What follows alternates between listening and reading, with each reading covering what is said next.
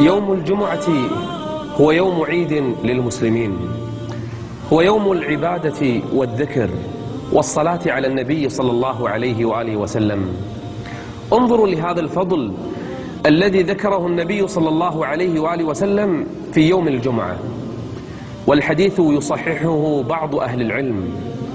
قال النبي صلى الله عليه وسلم من غسل يوم الجمعة واغتسل واختلف العلماء ما معنى غسل واغتسل.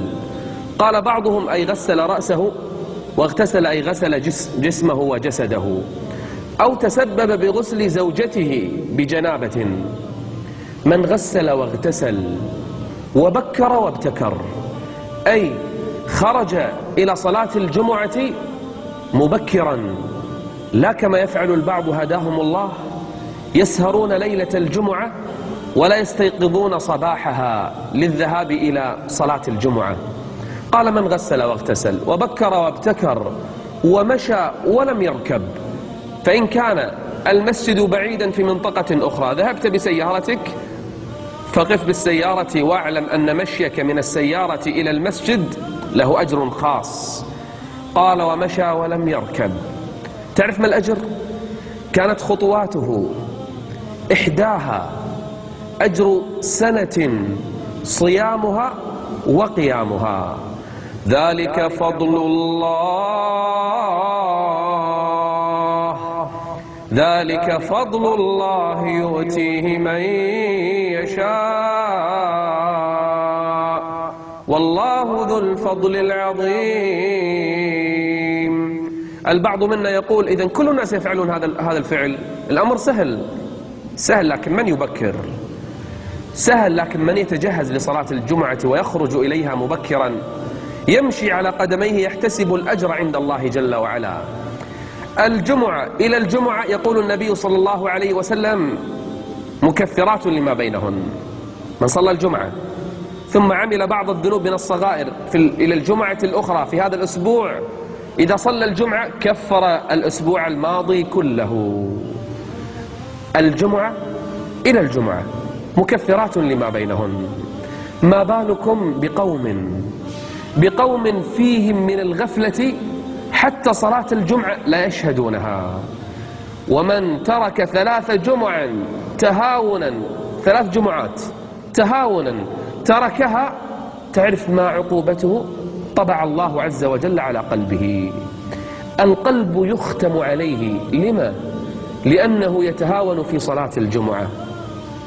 وإذا رأوا تجارة أو لهوا انفضوا إليها انفضوا إليها وتركوك قائما. قل ما عند الله خير قل ما عند الله خير اللهو ومن التجارة. والله خير الرازقين. لهذا قال العلماء إذا قام الخطيب أذن المؤذن الأخير لصلاة الجمعة. الأذان الثاني إلى أن ينتهي الخطيب من صلاة الجمعة البيع والشراء في هذه الساعة حرام. ومن باع أو اشترى في هذه اللحظات ما صح بيعه. لأن الله يقول وذروا البيع. وقت صلاة الجمعة لا يباع ولا يشترى. في الجمعة ساعة. شوفوا هذا الحديث العظيم. في الجمعة ساعة.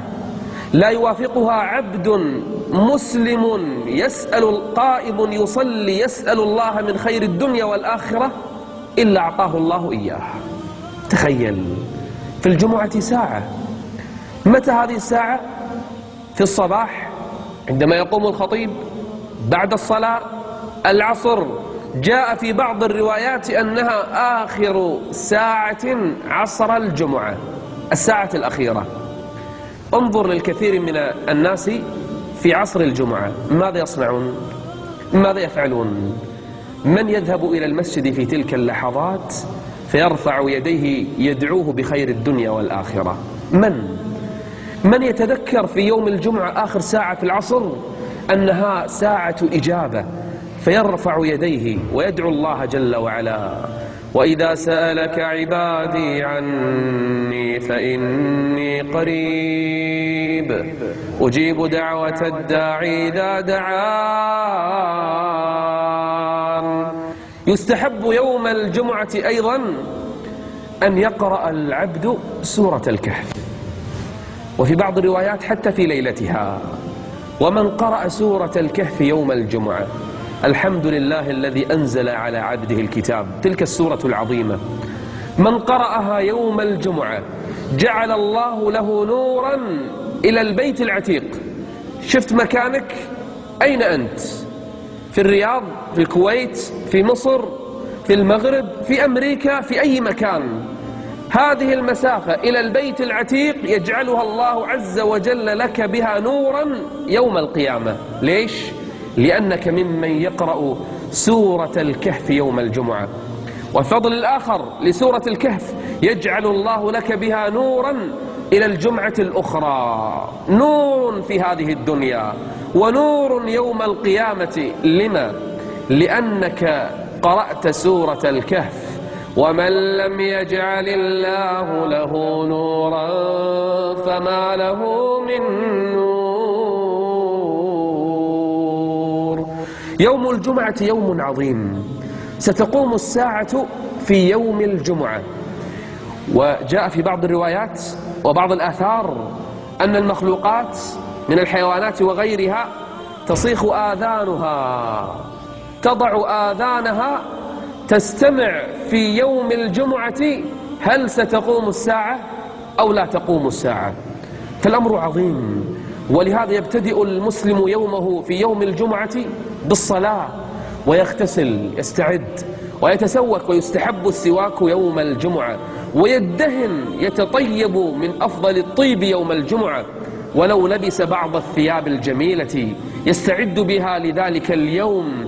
اغتسال وسواك وطيب. عودوا أطفالكم أبناءكم نساءكم.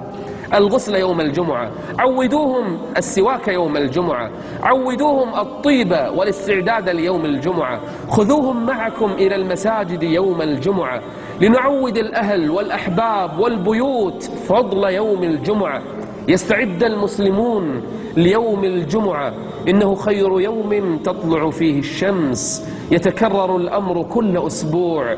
هنيئا هنيئا لمن جاء مبكرا. يقرأ القرآن ويصلي. كان ابن عمر رضي الله عنهما يأتي إلى يوم الجمعة إلى الصلاة مبكرا.